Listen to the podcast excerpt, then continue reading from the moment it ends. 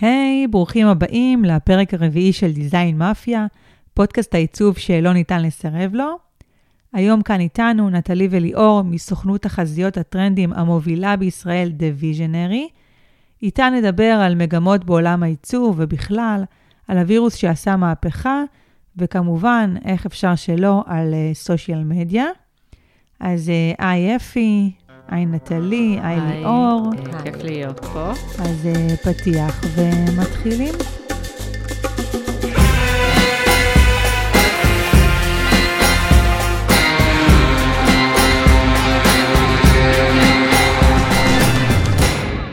אז uh, איזה כיף לארח אתכן כאן, ונתחיל בשאלה הכי מעניינת.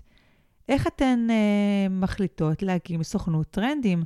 זה משהו שעוד לא היה קיים בישראל, אז uh, מאיפה ההשראה, הצורך? אז uh, יש לנו היכרות uh, מוקדמת לאפי ולי נכון, נכון. ולנירית, למדנו ביחד ועברנו הרבה חוויות. נכון, למדנו עיצוב אופנה ותקשורת בשנקר, שאגב, uh, פירוט על זה, על כל הדרך שלנו, שלי ושל אפי, מסטודנטים לאופנה ועד היום, אפשר לשמוע בפרק הראשון של הפודקאסט. עבדתי בתעשיית האופנה הישראלית הענפה בכל עבודה אפשרית שיש, ממעצבת אופנה מסחרית, סטייליסטית, visual merchandising. בסוף באמת אה, הגעתי לאיזשהו זיקוק כזה לקראת גיל 27, היום אני בת 35, שמעניין אותי כל העולם של טרנדים, וזה באמת קרה אחרי שנכחתי בהרצאה של לי אדלקורט, אה, שככה מי שלא מכיר אותה, היא חזאית טרנדים. בין המובילות והראשונות בתחום. אה, היא הולנדית, הבית, בית טרנדים שלה בפריז, והחלטתי באיזושהי נקודה שמעניין אותי ההתמחות בטרנדים. אה, עבדתי והתמחיתי שמה אצל לי אדלקורט בפריז. אה, בפריז גם הכרתי את ליאור, השותפה היקרה שלי. היי, אני ליאור פישר שילוני. אני הגעתי לתחום הזה של טרנדים מכיוון אחר לגמרי. למדתי בפרסונס, שזאת אוניברסיטה אמריקאית, אה, יש לה גם אה, קמפוס בפריז, תואר באסטרטגיה ומנהל עסקים בעולם הקריאייטיב. אני התמחיתי באופנה ובחדשנות, ואחת המרצות שלי בתואר אה, עבדה אצל לי אדלקורט, וככה בעצם גם אני הגעתי להתמחות אצלה בסוכנות ולעבוד שם. אני גרתי המון שנים בפריז, נטלי הגיעה לשם לעבוד אצל לי אדלקורט, הכרנו, נהיינו חברות מאוד טובות. ובאמת כשחזרתי לארץ, ואיכשהו באופן טבעי מצאתי את עצמי אה, חוברת לנטלי, בהתחלה לכזה פרויקט אחד, שניים, פה ושם, אה, וזה פשוט עבד לנו ממש טוב. אני בחצי שלי ושל ליאור, אז אני יותר אה, מתעסקת בכל העולם של העיצוב, של הפיתוח קונספט. אנחנו כן עושות הכל ביחד, אבל באמת לכל אחת יש פה את הפורטה שלה. אמ, היום אנחנו עובדות עם חברות אה, מעולם של אופנה לעיצוב פנים, לביוטי, ובעצם מנגישות להם מה עתיד לקרות בתחום שלהם בשנתיים הבאות, חומרים, צבעים, הלך רוח, שיווק, אינסטגרם, תקשורת, אה, מה אנשים ירצו, ואני חושבת שמה שהכי מסקרן אה, אנשים זה איך אנחנו עושות את זה. ואנחנו נדבר על זה. ברור שנדבר על זה. בשיחה המוקדמת שלנו סיפרת לנו על הפרויקט הראשון שלכם ביחד, שזה פרויקט מטורף, שאנשים בתחילת הדרך אה, המשותפת אה, רק חולמים עליו. אז בואו ספרו לנו את כל הסודות מאחורי הקלעים. אה, פתאום קיבלתי בלינקדין פנייה מספוטיפיי, אה, שהם אה, עושים אה, מחקר טרנדים, והם ראו שיש סוכנות טרנדים בתל אביב. ספוטיפיי ישראל. לא, ספוטיפיי העולמית. אוקיי. ואני כזה, וואו. למה בעצם ספוטיפיי פונה אל חיזוי טרנדים? יש להם תחרות עם iTunes, והם רצו להיכנס מאוד חזק ב-2017-2018 לשוק הישראלי. נכון, והשירות של אפל כבר היה קיים בארץ, mm-hmm. וספוטיפיי בעצם פנו... רצו להיכנס, לחדור. בדיוק. נכון, חזאות טרנדים היא כלי מאוד חשוב באסטרטגיה של מותגים גדולים וחברות ענקיות.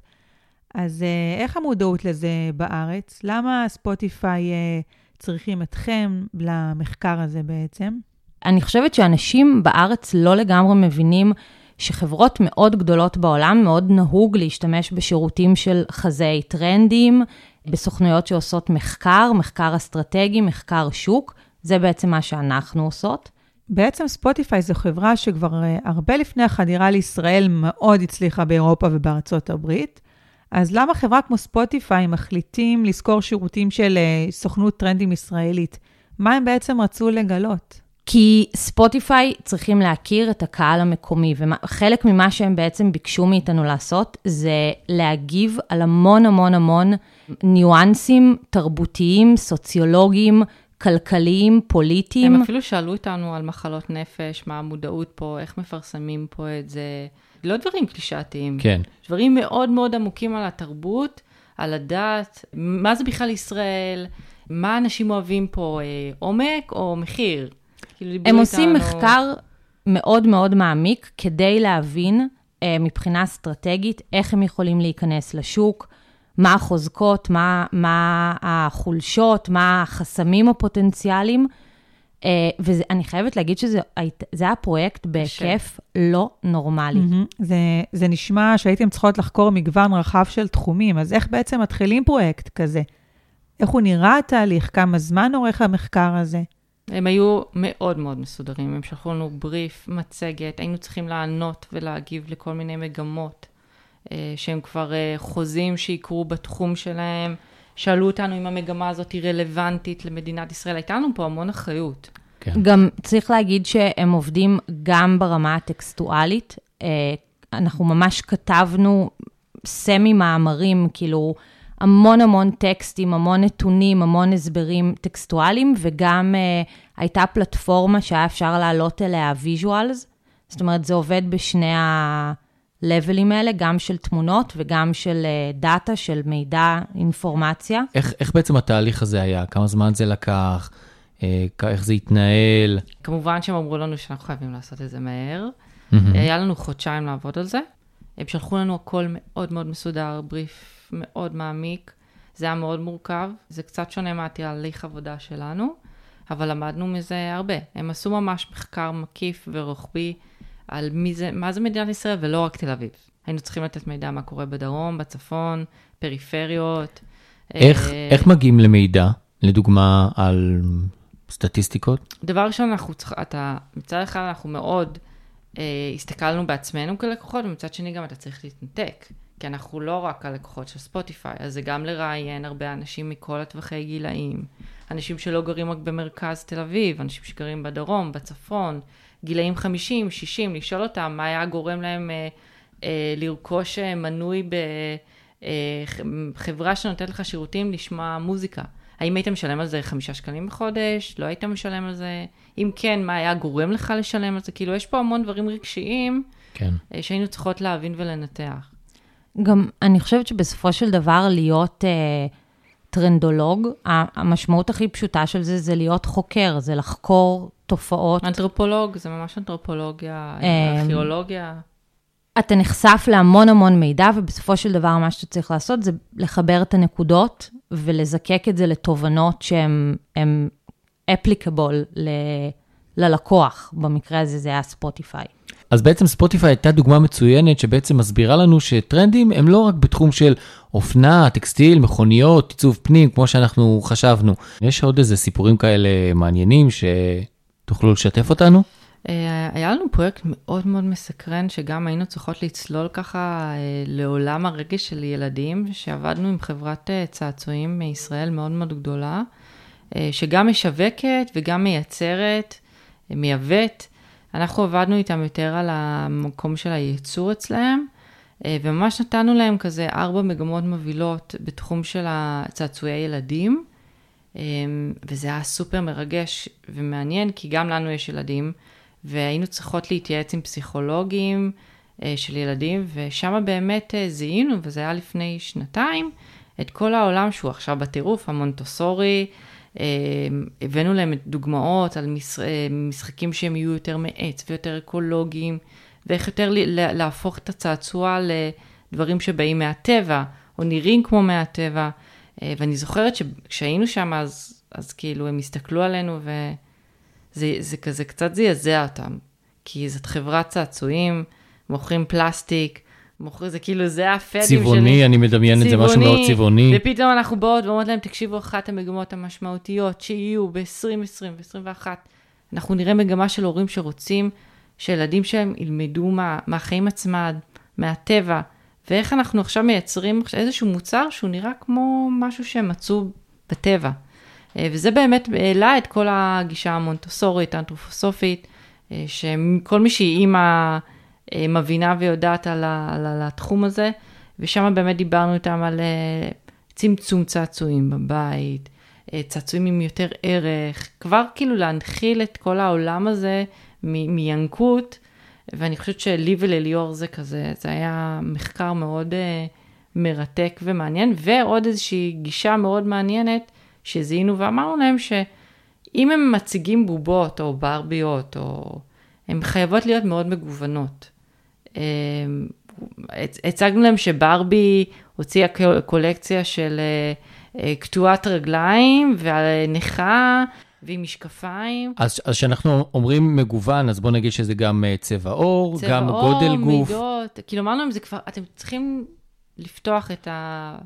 את המצלמה ואת הפריים מגוון. ואת המגוון. שכל אגב, אחד יוכל למצוא את עצמו. אחר כן. כך באמת הגיע ה-Black Lives Matter והעניין הזה של, של צבע גוף, של נראות, של מוצא, של אתניות, הפך להיות האלף-בית של כמעט כל חברה מסחרית שמחזיקה מעצמה. כן. עוד אחת מהדוגמאות זה חברת רהיטים, כשהרעיון בעצם הוא לעזור להם אה, לפתח קולקציות, בהתבסס על מגמות.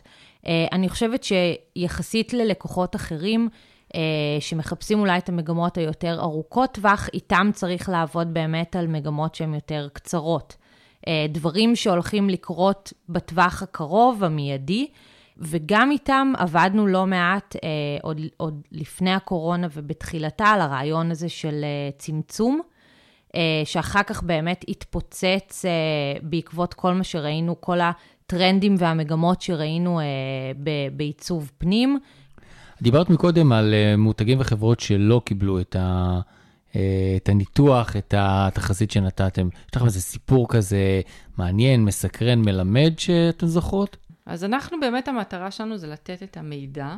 הרבה פעמים מקבלים את זה, והרבה פעמים לא. מבחינתם, אין לי מה לעשות עם זה, זה לא מתאים לשוק שלי, אבל זה קורה בסוף. זה מה שאנחנו מוכיחות. אנחנו ממש מרגישות את זה באופן תמידי, שליאור ואני מגיעות לפגישת היכרות, מי הולך לקבל את זה ומי לא.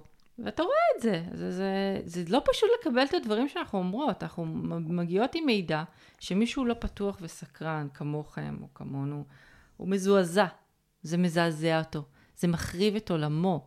באיזשהו מקום, כי הוא יש לו כבר אסטרטגיה, ופתאום אני באה ואומרת לו משהו אחר. ואולי עסק שעובד, עסק שמכניס כסף, שמתגלגל הרבה שנים, והיה לו איזו סיסטמה מאוד ברורה, כן. ופתאום אומרים לו, לא, אתה צריך לעשות שינוי, או שינוי חלקי.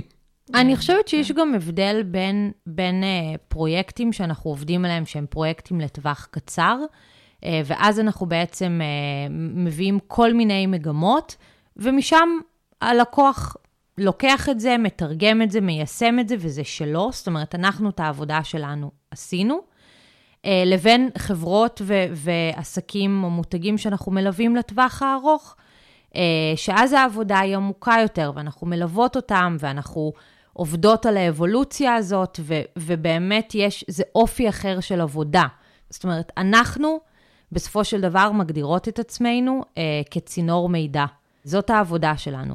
ואחר כך הלקוח עושה עם זה מה שהוא מוצא לנכון. אז אולי תנו לנו באמת, תסבירו לנו איך, אה, איך מגיעים לטרנדים, איך אה, חוזים טרנדים. אני חושבת קודם כל שכשאומרים טרנד, אנשים הרבה פעמים מתבלבלים עם המונח טרנדי. טרנד זה לא, זה לא בהכרח מה שהצבע הוא עכשיו, או, או הפרינט, או... זה יותר מה שאנחנו מכנים גחמה, או טרנד, או flash trend, זה... כל מיני מאפיינים סגנוניים כאלה שהם קצרי טווח. הם נכנסים לאופנה, יוצאים, הם, אנחנו רואים אותם במגזינים, יוצאים. טרנדים, אני חושבת במובן שאנחנו דיברנו עליו בהקשר של ספוטיפיי, זה מגמות והלך רוח שהוא הרבה יותר עמוק. אה, לאורך טווח, אה, אנחנו מדברים על משהו שהוא בין, אה, מינימום בין חמש שנים ל-40, 50 שנה, משהו שיש לו אבולוציה, התפתחות. אז, אז בואו תיתנו לנו כמה, כמה דוגמאות למה זה טרנד ומה זה גחמה. אני אתן את הדוגמה הכי קלאסית של אה, מעיל trench coat, שזה באמת אה, פריט לבוש משנות ה-20. אה, ואם אנחנו מסתכלים היום, אנחנו בשנת 2021, אם תדמיינו איזשהו ציר כזה של אבולוציה משנות ה-20 עד 2021, זה עדיין קיים בחיים שלנו. הגזרה לא יותר מדי השתנתה, מה שהאבולוציה זה הצבע, האורך, הכפתור, הבטנה, אה, וזהו.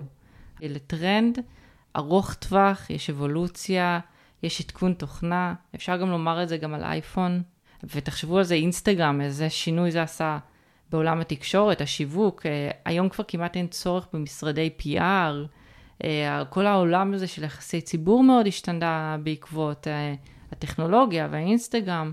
אז אני באמת חושבת שכמו שנטלי אמרה, אה, טרנדים זה, זה דברים שיש מאחוריהם גם איזשהו בסיס, איזשהו רקע תרבותי. אה, אם דיברת על המעיל גשם, זה משהו שעבר מלהיות סממן מאוד גברי, מובהק, למשהו שהיום גם נשים לובשות. גחמות זה דברים שהם יותר סגנוניים, אה, זה יכול להיות... דברים כמו אה, קרוקס, שנכנסים לאופנה, מפציצים את השוק, השוק נהיה רווי בהם, ואז הם בעצם נעלמים. אה, או כל מיני פרינטים שהולכים וחוזרים, אה, tie-dye, פרחוני, מנומר. אנחנו חושבות שהדוגמה הקלאסית והמושלמת ל fad, לגחמה, זה ספינר.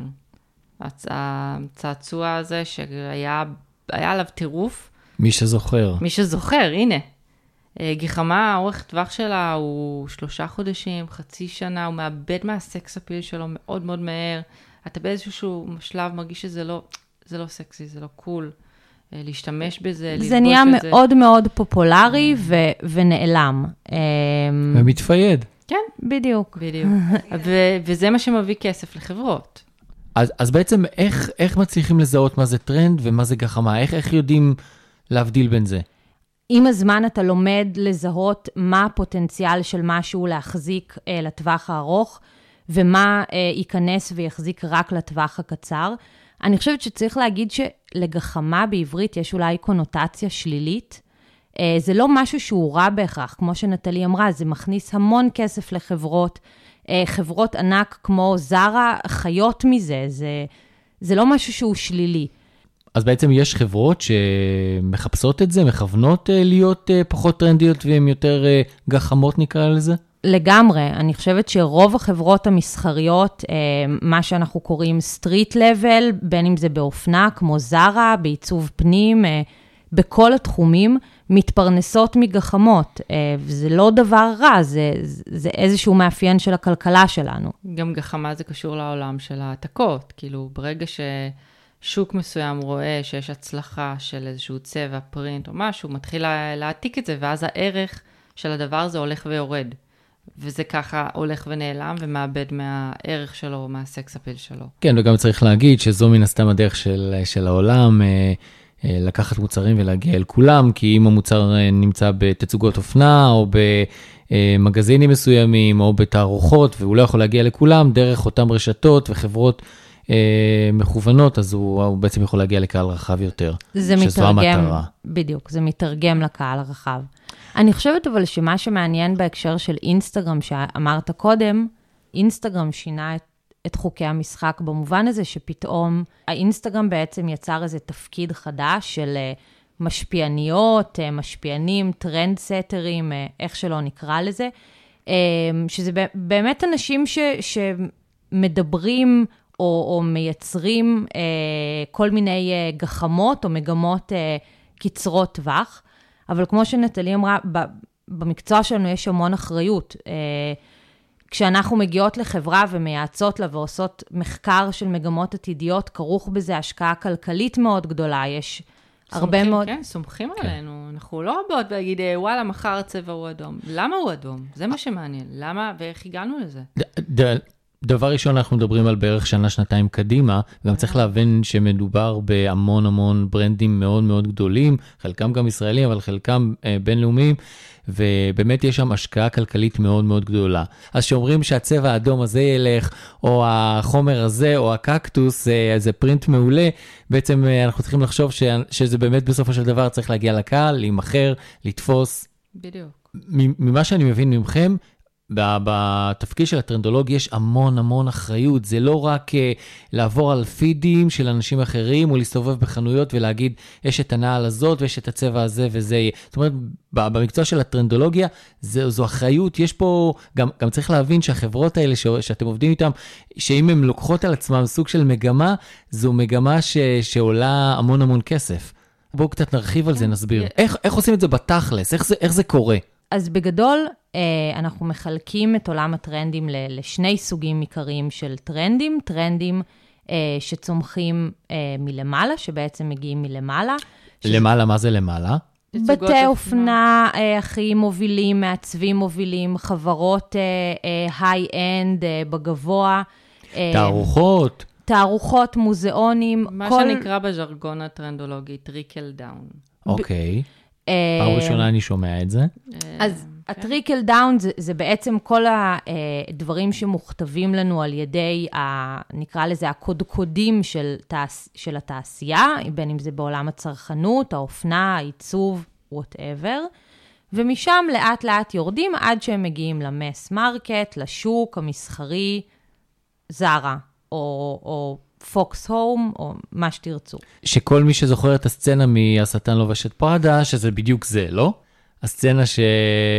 אה, אה, אני לא זוכר איך קוראים לה, הבחורה שמתחילה לעבוד שם, בעצם מגיעה לסוג של אה, פגישת הלבשה כזו למגזין, ואז בעצם העורכת השטנית מסבירה לה שמה שהיא רואה עכשיו בעצם זה מה שהיא תלבש בעוד איקס זמן. בדיוק. והיא נורא מזלזלת בזה. בדיוק. והיא גם מסבירה לה ש... שבזכות הפגישה והישיבה הזאת, הרבה אנשים uh, התפרנסו. נכון, איך נזכרת בזה? זאת uh, סצנה גאונית. אז uh, אם אמרנו שהסוג הראשון של הטרנדים הוא ה-Tickle דאון, שזה בעצם מה שקורה היום באינסטגרם אצל יוצרי התוכן, אז uh, מה הסוג השני, שאני מניחה שהוא משמעותי יותר? את uh, יכולה להרחיב על זה? אוקיי, okay, והסוג השני uh, של טרנדים שאנחנו מדברים עליו, שבאופן אישי הרבה יותר מעניין אותי ואת נטלי, נקרא trickle up, וזה בעצם כל הטרנדים והמגמות אה, שצומחים מלמטה, אה, מתרבויות שוליים, מאירועים פוליטיים, חברתיים, מתנועות מחאה.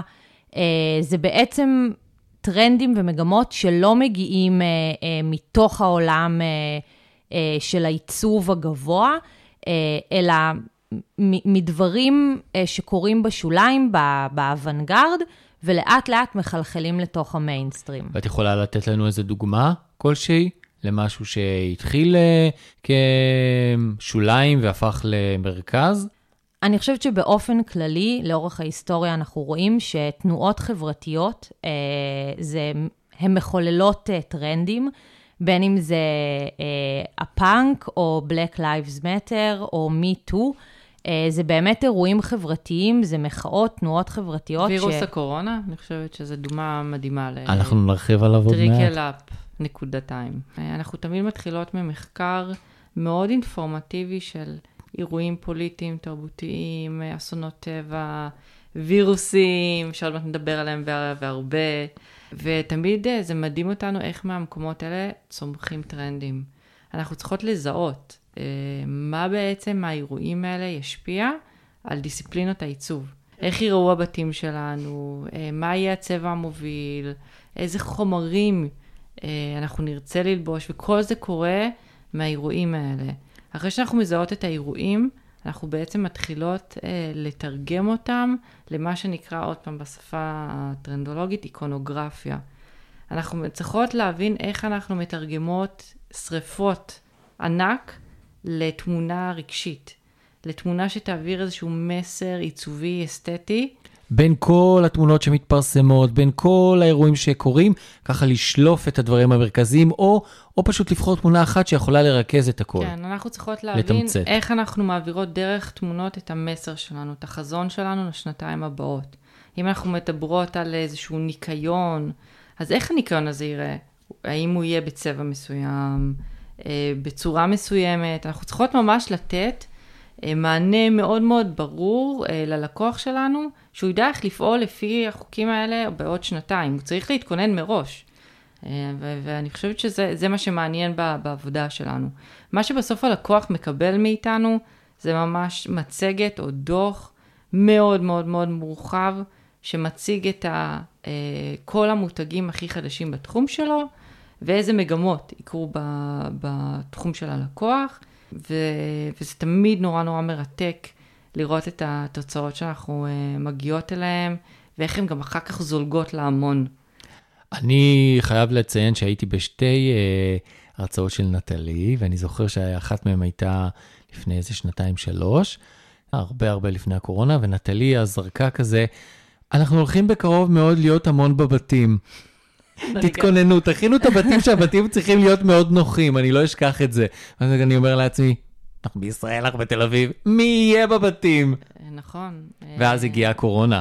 גם על מסכות. אה, נכון. אז אתם רוצות קצת להרחיב על איך, איך, איך ראיתם את זה, איך הקורונה השפיעה, האם הקורונה הפכה להיות טרנד, אם היא גחמה? אני חושבת שבגלל שהמומחיות שלנו זה כל הזמן לצבור מידע ומחקר ולהיות ברשת, אנחנו כל הזמן עם יד על הדופק, אנחנו מדברות כל הזמן אחת עם השנייה, שולחות, אנחנו עושות כזה עריכה, סינתזה, והדברים פשוט צפים. ברגע שאתה עושה מחקר, הדברים צפים. את אומרת שזה קיים, רק צריך לראות את זה. לזהות את זה. זה כל אנחנו מדברות, זה גם משהו שליאור מתישהו אמרה, זה, זה לא רק לחזות, זה לזהות. זה ממש חשוב, אני חושבת. אה, בכלל, בכל תחום. זה לא, זה ממש לדעת לשים את היד, אוקיי, זה הולך לקרות, זה המסכה, זה הבתים שלנו, משהו הולך להצטמצם, למה זה קורה, זה גם אינטואיציה, זה גם מחקר, זה לא סתם, זה לא קפריזי, זה מה שאנחנו כל הזמן מנסות להגיד. טרנדים זה לא דבר קפריזי. יש מאחורי זה הרבה מאוד מחשבה. גם, אני חושבת, אם, אם מסתכלים נגיד על צבע מסוים, אה, שאנחנו מגדירים כטרנדי, אה, יש מאחורי זה, באמת, כמו שנטלי אמרה, המון היגיון. למה דווקא הצבע הזה ולא צבע אחר? איפה ראינו אותו לפני שנה, לפני שנתיים? מאיפה הוא מגיע? מה בעצם מביא אותו להיות איפשהו היום? אני, אני גם, מה שאני מאוד אוהבת בתחום של uh, טרנדולוגיה, ואני גם חושבת של ליאור, שהוא משלב הרבה מאוד רגש, ולקרוא אנשים, וסוציולוגיה, uh, ואנחנו כל הזמן קורא, גם חוקרות דורות, דור ה-Z, עכשיו אנחנו מאוד בדור האלפא. שהוא הולך להיות איזשהו כוח צרכני מטורף, שזה הילדים שלנו. רגע, רגע, רגע, דור האלפא זה אחרי דור ה-Z? כן. כן. את רוצה לספר זה לנו? זה הילדים שלנו. כן. או, יש גם, אוי ואבוי. כן, יש גם uh, מי שמוגדרים uh, בספרות כדור השיא. שנייה, שנייה, רגע, יש פה, יש פה הרבה אותיות, אני גרוע כן. באנגלית, בוא שנייה נעשה סדר. אז אנחנו, אנחנו עד עכשיו שמענו על דור ה-Z, דור האלפא זה הדור שאחריו. כן. נכון. רוצים קצת להכין אותנו? אז אה, דור האלפא זה החל משנת 2011. אה, היום הכי בוגרים הם בני 11, 12.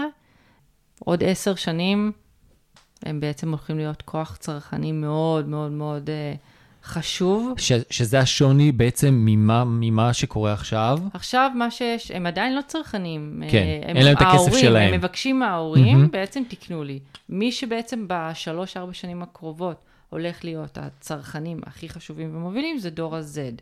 דור ה-Z זה החל מסוף שנות ה-90 עד אה, 2010. ש, שאתם רוצים קצת להרחיב על זה בשתי שורות, להגיד מה השוני או מה, מה אפשר. בעצם? אז בעיקרון, הכוח הצרכני אה, הכי מבוגר שיש לנו היום זה ה boomers, זה אלה שנולדו אחרי מלחמת העולם. סבא וסבתא אפשר השנייה, להגיד. סבא וסבתא, אולי בדיוק. ראיתם חולצות עם אה, הדפסים שכתוב עליהם, אה, אוקיי, boomers? כאילו צוחקים לא. עליהם? ראיתי באינסטגרם. כן, צוחקים כאילו על הדור המיושן של... אז, אז הבומרים הם הכוח הצרכני הכי מבוגר היום בשוק.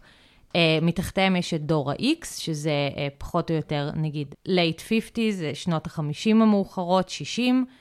אחר כך יש את המילניאלס, שנקראים גם דור ה-Y, שזה אנחנו, זה אנשים שהם היום סביב גיל 30-40, חלקם עוד בסוף שנות uh, ה-20. Uh, דור ה-Z זה בעצם uh, כל מי שנולד מסוף שנות ה-90 uh, ועד 2010 בערך, יש שיגידו 2013, uh, ומ-2010/2013 uh, ועד היום זה דור האלפא. אז איזה מגמות אפשר לראות אצל דור האלפא שקצת שונים ממה שהיה לפני?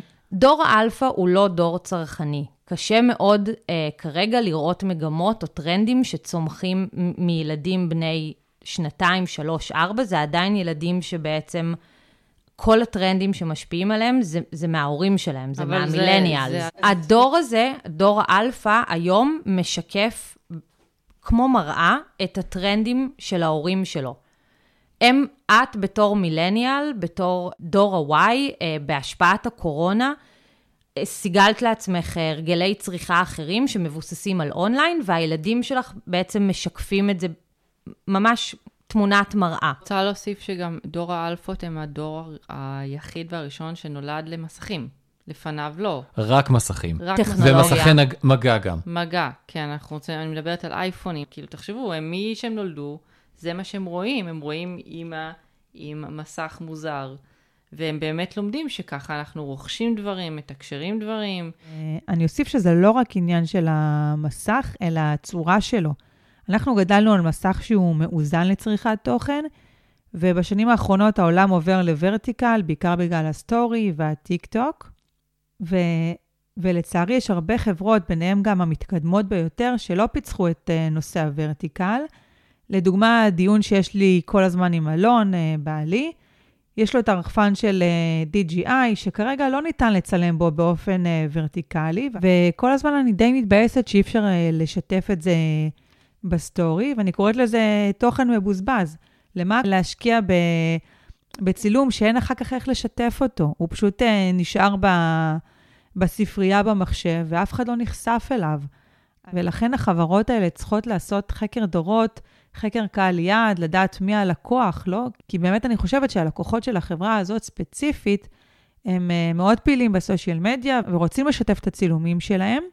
וזה, וברגע שאנשים יראו צילומי רחפן בסטורי ובטיק טוק, זה יעודד יותר אנשים אה, בעצם גם לקנות את המוצר הזה. אפרופו אה, סמסונג, אה, ראינו שיש להם פרויקט די חדש, הם יצאו איתו עם טלוויזיה שהיא יכולה להיות גם ורטיקלית, כמו אייפון, בגלל שאנחנו... המסך. המסך.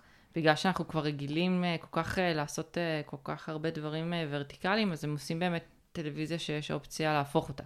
בצורה זה, אנכית. זה ממש מוצר שהם מגדירים אותו כטלוויזיה שמיועדת אה, אה, לדור ה-Z, שצורכים תוכן בצורה ורטיקלית. אז בעצם איך, אה, איך כל הדורות, כל האותיות האלה קשורות אליכם? כשמגיע אלינו לקוח, אנחנו, אחת השאלות שלנו, הראשונות בבריפים שלנו, שאנחנו מתחקרות, זה מי בעצם הלקוחות שלכם? אנחנו צריכות לטרגט אותם, והרבה פעמים זה נורא מבולגן. אומרים לנו, הרוב מי שקונה אצלנו זה דור ה-Y או ה-X, אבל אנחנו נורא רוצים את דור ה-Z.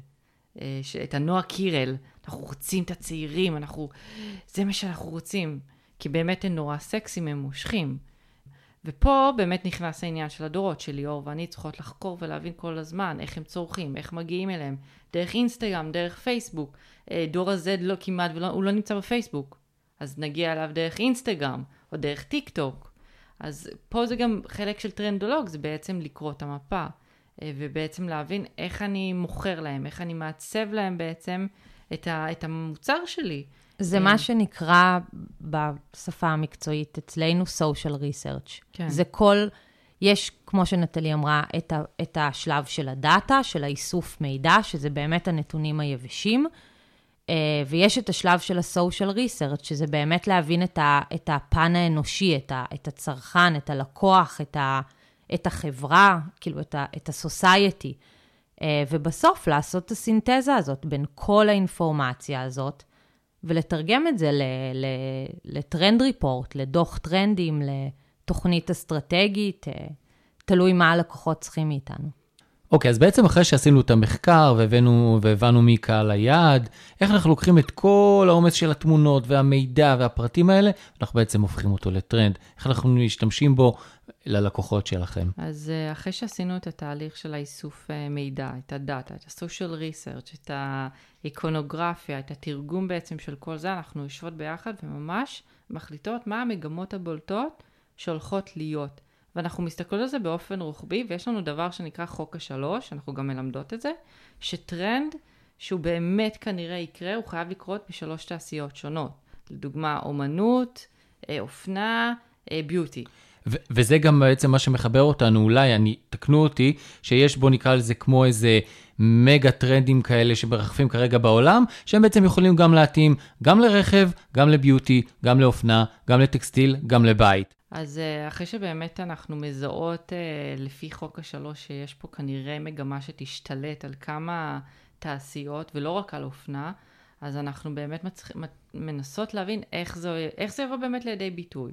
אז בואו ניקח לדוגמה את העולם של, או את המושג sustainability, שזה בר קיימא, קיימות, כל מה שבא מהאדמה חוזר לאדמה, אוקיי? זה מדבר על מחזור, על אקולוגיה, יש גם, זה, יש 17 אה, נקודות אה, בשביל שיתקיים אה, sustainability, זה לא רק אקולוגיה ומחזור, יש שם גם אה, מעמד האישה וחינוך. אז אם, אם אנחנו נחזור, 2016 כבר אה, הבנו וחזינו שכל העולם הזה של... אה, קיימות, אקולוגיה, מחזור, זה לא מילים חדשות, זה היה כבר בסיקסטיז, אבל העולם אותת, היו הרבה שריפות, אה, זיהום אוויר, תעשיית הבשר, הטקסטיל, המון כל מיני מפעלי טקסטיל בהודו שקרסו, וצביעות, אה, טקסטילים, אז באמת אנחנו כטרנדולוגיות זיהינו את זה כבר אז, שצריך להיות שינוי. וזה זה, זה חלק כטרנדולוגיות להבין מה השינוי שהולך להיות. והבנו שהשינוי צריך להיות בצמצום. ואז השאלה הבאה, איך הוא יבוא לצמצום? איך, איך הוא יבוא לידי ביטוי בתעשיית הרכב? אז הנה, אנחנו רואים מה קורה עכשיו אה, בעולם של הרכבים, אה, בעולם של לבוש. אה, אני זוכרת שבזמנו דיברנו עם הרבה חברות אופנה על, על כל המושג הזה, sustainability, והם פשוט צחקו עלינו. זה לא עניין אותם.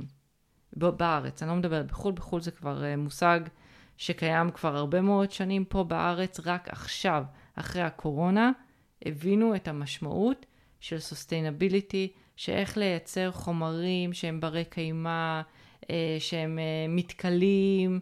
אני חושבת שבין החלוצות היא סטלה מקארטני, שכבר שנים דוגלת בתחום הזה. זה גם בא, אני חושבת, בטירוף עכשיו, בקוסמטיקה. בטירוף. תסבירי. כל מותג או חברה, אני חושבת שכמעט מאמריקה של ליאור ואני עכשיו מזהות, הכל זה ויגן, פרנדלי, בלי רעלים, מעט חומרים, אריזות מתכלות. אבל כמובן אי אפשר אה, לא, לא להתייחס לזה שאולי הכל בעצם פה מגמה, slash טרנד, slash אה, גחמה של לעשות עוד כסף. נכון, יש כאלה שזה שקפ... הפוך על הפוך. יש כאלה שקפצו על זה, אנחנו מדברות על זה הרבה. כן, אני, אני חושבת שהרבה פעמים מדברים על, על קיימות, זה נורא מתחבר למינימליזם.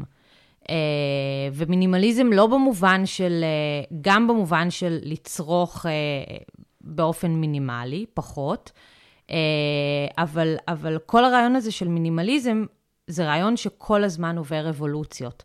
נטלי אמרה קודם שטרנד זה דבר שעובר אבולוציות, וזו דוגמה מאוד טובה לראות את זה. אם נגיד מבחינת צבעוניות בעבר, אה, מינימליזם היה משהו שהיה נורא מחובר לצבעים קרים, לבטון, לאפור, למתכת.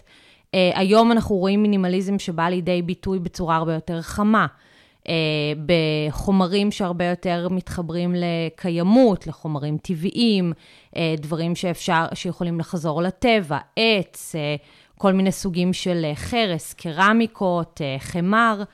אמ, זה, זה באמת דוגמה לאיזשהו טרנד שעובר אבולוציה בעקבות כל מיני דברים שקורים לנו בחיים. זה מתקשר באופן מאוד ישיר לקורונה, לזה שכולנו הסתגרנו בבתים.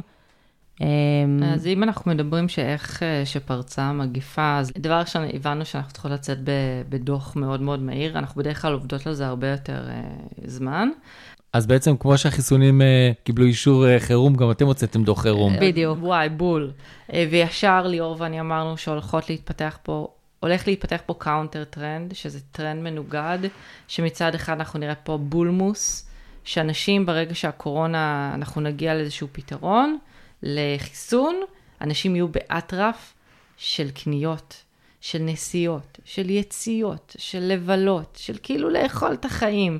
ומצד שני, אנחנו נראה את הצרכן המינימליסטי, שהסיק מסקנות מהשנה הזאתי, והוא יארגן את החיים שלו בצורה הרבה יותר נקייה, שונה, אולי הוא יצא אפילו מהעיר למרחבים, ישנה את העבודה שלו, יצמצם את הרהיטים בבית שלו, הצבעוניות תשתנה, ואנחנו באמת רואים פה שני צרכנים שהם הולכים עכשיו אחד במקביל לשני.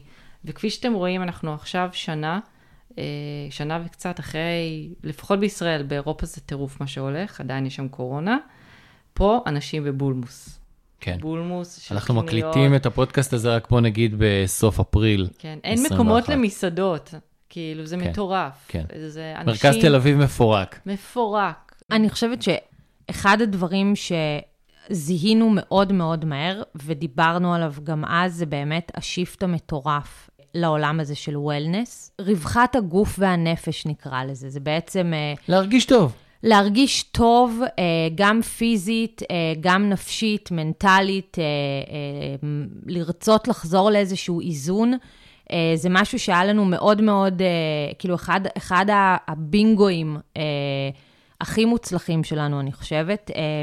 ובאמת יש הרבה היגיון מאחורי זה. כולם עברו טראומה מאוד מאוד גדולה. אני, אני, אני מצליח לזהות פשוט מקרה של שתי קצוות. מי שהרגיש שהוא צריך להתפוצץ, ויש מי שהרגיש שהוא צריך להירגע. כן, זה ממש uh, blow or slow. אחד הערכים שנורא, נורא, אנחנו נורא מדברות עליהם בשנה ומשהו האחרונה, זה הרעיון הזה של אסקפיזם. Uh, ממש בשביל הנפש שלנו, אנשים היו צריכים למצוא מפלט. Uh, ולחלק מהאנשים זה בא לידי ביטוי uh, באמת בבולמוס הזה, בהסחות דעת. אה, בצבעוניות מטורפת, באסתטיקה מטורפת, ולחלק מהאנשים האסקפיזם הזה באמת בא לידי ביטוי באואזיס של שקט, של רגיעה, אה, של צמצום לדברים המאוד מאוד ספציפיים שהם צריכים ועושים להם טוב. Uh, הרבה מאוד uh, עבודת יד, הרבה מאוד איזון, בין אם זה בחלל או במה שאנחנו לובשים. אמ, אני, באמת. כן, אני רוצה גם להגיד שבדוח שלנו אנחנו זיהינו, וכבר זיהינו את זה לפני שהקורונה התפרצה, ששנת 2020 ו-2021 זה, זה הולך להיות אה, עשור שהולך לשנות את החוקים, את חוקי המשחק. זאת אומרת, עשר שנים הקרובות. כן, הקורונה גרמה לשינוי חוקים, בהכל, בכל הדיסציפלינות, אה, בתעשיית האופנה, אה, בתעשיית הביוטי, בתעשיית הרהיטים, כולם היו צריכים לשבת. לשנות את האסטרטגיה שלהם ולהבין, אוקיי, מה הולך להיות מעכשיו והלאה. והם היו צריכים תוך כמה חודשים לעשות מערך אונליין, שירות, תחשבו כמה הזמנתם במהלך הקורונה אונליין. כמה הם היו צריכים להשתדרג ולהתפתח ולהיות uh, הכי טובים והכי מהירים, וחוקי המשחק השתנו. ואתם לא חושבים שאנחנו ככה מספידים את כל מה שהיה לפני הקורונה ואנחנו לא נחזור לזה מאוד מהר? כי, כי זאת התחושה שלי, שאנחנו חודש, חודשיים עם החיסונים, כבר, מי זוכר שהיה פה קורונה? קודם כל, אני חושבת שצריך לעשות הפרדה בין מה שקורה במדינת ישראל, שזה באמת כרגע תופעה אה, ברמה אני, העולמית. נכון, אבל אנחנו פה ואנחנו בישראל, אנחנו מקליטים את זה בתל אביב, אז אנחנו נתייחס כרגע. אז אני כן חושבת שיש הרבה אה, אה, סממנים מהחיים הקודמים, במרכאות, שהיו לנו, אה, שיחזרו, ואנחנו נחזור לשגרה. אה, ודברים נפתחים ונפתחו, ואנחנו נחזור למציאות שהיא מוכרת לנו, אבל עם זאת, אי אפשר להתעלם מהעובדה שדברים השתנו אצלנו כצרכנים, כאנשים, ברמה העמוקה. אז אני כן חושבת שאפילו שדברים חוזרים לשגרה, יש נורמות, יש קודים אה, חברתיים, מציאות חדשה. אבל, אבל השאלה היא אם זה לא יישכח מאוד מהר. בוא נגיד ככה, יש הרבה אנשים שהם בפוסט-טראומה. כן. אז אחרי שהתאוששנו מהשנה הזאת, אז uh, בכל פרק אנחנו מדברים על הטרנדים הבאים, אז בפרק הזה כמובן שזה מתבקש. אז uh, מה מצפה לנו? Uh, אז אנחנו נראה שתי uh, מגמות מובילות. אחת שתיקרא, אנחנו קוראות לה הופ, תקווה, שמחה, אופטימיות, באמת כי זה מגיע לנו. אחרי שנתיים מאוד מאוד קשות. אני מדברת שזה יהיה בשנת 2022. ואנחנו נראה שזה יבוא לידי ביטוי במותגים שייתנו לנו אה, אופטימיות וכיף. אנחנו נראה את זה מצד אחד גם בצבעוניות פסטלית, וגם אנחנו נראה את זה גם בצבעוניות האדמתית שהיא תמשיך. חומרים יותר נעימים. בטח, האקולוגיה, sustainability. יותר אה, עוטפים. אני, אני אומרת עכשיו מלא מילים באנגלית, inclusivity, מגוון, הכלה, אה, מגוון של דתות, אה, גופים שונים, אנחנו רואים את זה וזה ימשיך. זה אחד. השני שאנחנו uh, נראה זה הרבולושן, והוא קשור לדור ה-Z. זה דור שהולך לעשות מהפכות מאוד מאוד גדולות, uh, להיות מאוד מאוד בוטה, להגיד כל מה שהוא רוצה, להתלבש בצורה לא מוגדרת, בלי חוקים. גם מבחינת אישיותית, לא להגדיר מי הוא גבר, אישה, טראנס מגילאים מאוד מאוד צעירים, ואנחנו נראה שזה יבוא לידי ביטוי גם באופנה ובחדרים שלהם, גם שם השתנו חוקי המשחק. אנחנו צופות להם המון המון עתיד, הם עוד שנייה הולכים להיות הכוח הצרכני הגדול ביותר, דור ה-Z, והוא מאוד מאוד אה, מאוד אה, אמורפי, הוא לא רוצה להגדיר את עצמו, והוא עם המון ביטחון עצמי, וזה הולך להיות מאוד מאוד מסקרן, אנחנו מדברים על שנת 20, 2025. אה, תרשמו, ראשון לינואר 25. save the date, חברים. הסוף שלכם. את רוצה, את רוצה להוסיף משהו על זה, או ש... לא, אני באמת חושבת שאלה שני, שני כיוונים שאנחנו... אה, שמות עליהם את הז'יטונים. בדיוק. כן. וככה, שאלה אחרונה לפני סיום, אה, אז בעצם כל מיליוני האנשים שמאזינים לנו כרגע, ורוצים לדעת איך להפוך לטרנדולוגים, ואיך אפשר אה, לגלות את כל הדברים המעניינים האלה, איך בעצם מגיעים אליכם? אז אנחנו מעבירות uh, קורסים uh, קבוע, אנחנו ממש בקרוב פותחות את המחזור השישי, uh, שייפתח במאי. כל המטרה של הקורס היא בעצם uh, לתת לאנשים מתחומים שונים, ובאמת מגיעים אלינו אנשים מכל התחומים, בין אם זה אה, הייטק ובנקים ופיננסים, מעצבים, מעצבי אופנה, אה, אנשי תקשורת, פרסום, ממש מגוון בטירוף. כשבעצם הרעיון זה לתת את הבסיס לתחום הזה של טרנדולוגיה ולאפשר לכל משתתף בסופו של דבר לצאת מהקורס עם הכלים והיכולת לעשות מחקר, ניתוח וזיהוי של טרנדים בתחום שלו. אין דרישה לידע קודם, הדרישה היחידה היא לאנשים סקרנים. איזה כיף למי שהולך לעבור את הקורס הזה. אנחנו נשאיר את כל הפרטים באתר האינטרנט שלנו ובעמוד האינסטגרם שלנו, דיזיין מאפיה בעברית או באנגלית. תשאירו לנו תגובות ורעיונות. אז uh, כיף שהייתם ותודה שהתארחתם פה והאזנתם לפרק הרביעי שלנו על טרנדים. תודה רבה, היה לנו כיף. אז uh, נתראה בפרק הבא. ביי ביי.